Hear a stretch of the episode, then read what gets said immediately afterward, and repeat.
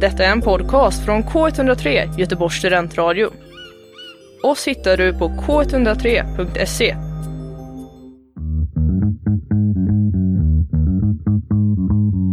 Det onormala normala med Mia Svensson. Hallå hallå, jag är tillbaka. Det bästa med förinspelade avsnitt är att vi har absolut ingen aning om hur länge sedan det faktiskt var sedan jag satt vid det här skrivbordet för att fixa ihop ett nytt avsnitt till er. Ja, förutom när jag säger det själv då. Sanningen är att jag har befunnit mig i en writers block. Och precis här så kommer jag stanna. För att ingen bryr sig om när kreativa personer inte kan vara kreativa. Eller ja, folk bryr sig nog inte särskilt mycket om kreativa personer överhuvudtaget. Ja, men jag kände bara att jag behövde få eh, terapi av mig lite grann. Få be om ursäkt över min frånvaro utan att faktiskt säga förlåt. Ja, som när man säger att jag är ledsen att du känner så. Istället för att säga jag är ledsen att jag fick dig att känna så. Okej, ska vi gå tillbaka till henne som jag inte ens har presenterat än? Jag har faktiskt redan pratat om det här i ett tidigare avsnitt. Att ljuga. Så om ni inte har lyssnat på det, ajabaja, gå tillbaka och lyssna på det direkt. Ja, då pratar jag i alla fall om när jag ljög lite för mycket under en arbetsintervju. Tydligen så har just arbetsplatser varit en vanlig scen för mina ljugerier, så vi ska faktiskt stanna kvar precis där även för detta avsnitt. Ops, ops, I do not recommend you do this at home. Eller i så fall så sker det väldigt mycket på egen risk. Jag har haft tur väldigt många gånger, eller kanske är det skicklighet, men oavsett så ska man inte ljuga. Men att lyssna på självklarheter, nej, det är inte varför ni är här. Många gånger så ljuger man lite sådär i största allmänhet. Eller man tänker kanske inte så mycket på det.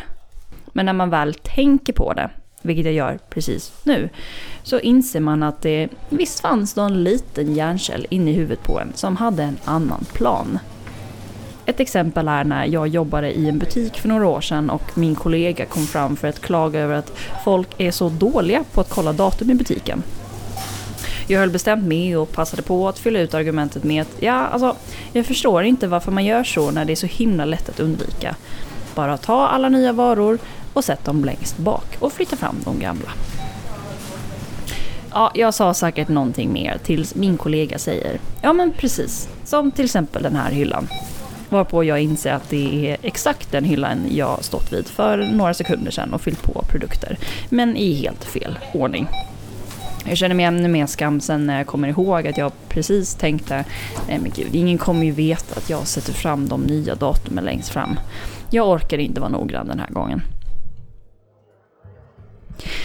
Många gånger så ljuger man också för att det känns så himla mycket smidigare än att säga sanningen. Eller kolla upp sanningen. Jag hade en gäst på restaurangen där jag jobbade tidigare som frågade mig om vi använder peppar från Sverige eller från något annat land. Och inte fan tänker jag springa och leta upp en kollega som är jätteupptagen bara för att fråga vilket land vår peppar kommer ifrån. Särskilt inte när det är omöjligt för gästen i fråga att kunna känna skillnaden på, ja låt säga svensk eller spansk peppar. Så jag säger helt enkelt med rak rygg och klar stämma att vår peppar, den är från Spanien. Jag lägger också till ett litet leende. Men helt ärligt så mår jag inte alls särskilt dåligt över den här lögnen. Alltså alla som jobbar inom service vet att kunden egentligen nästan aldrig har rätt. Och det viktigaste är att göra hen nöjd.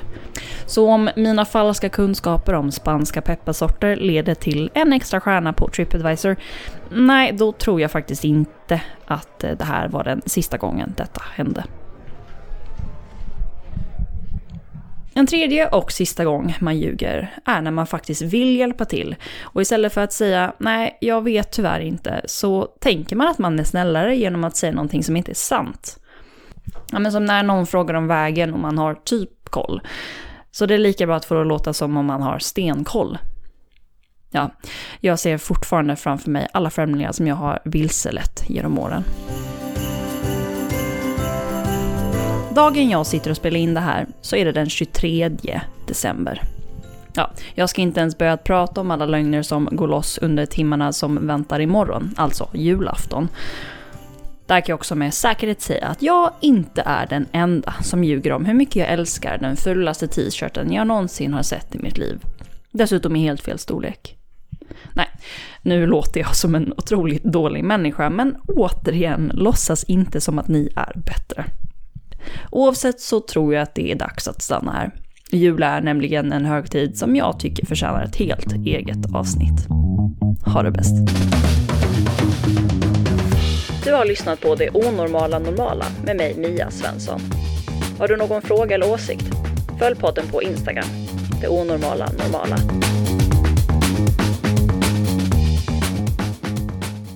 Du har hört en podcast från K103 Göteborgs studentradio. Du hittar alla våra program på k103.se. Följ oss på Facebook eller Instagram. Vi hörs!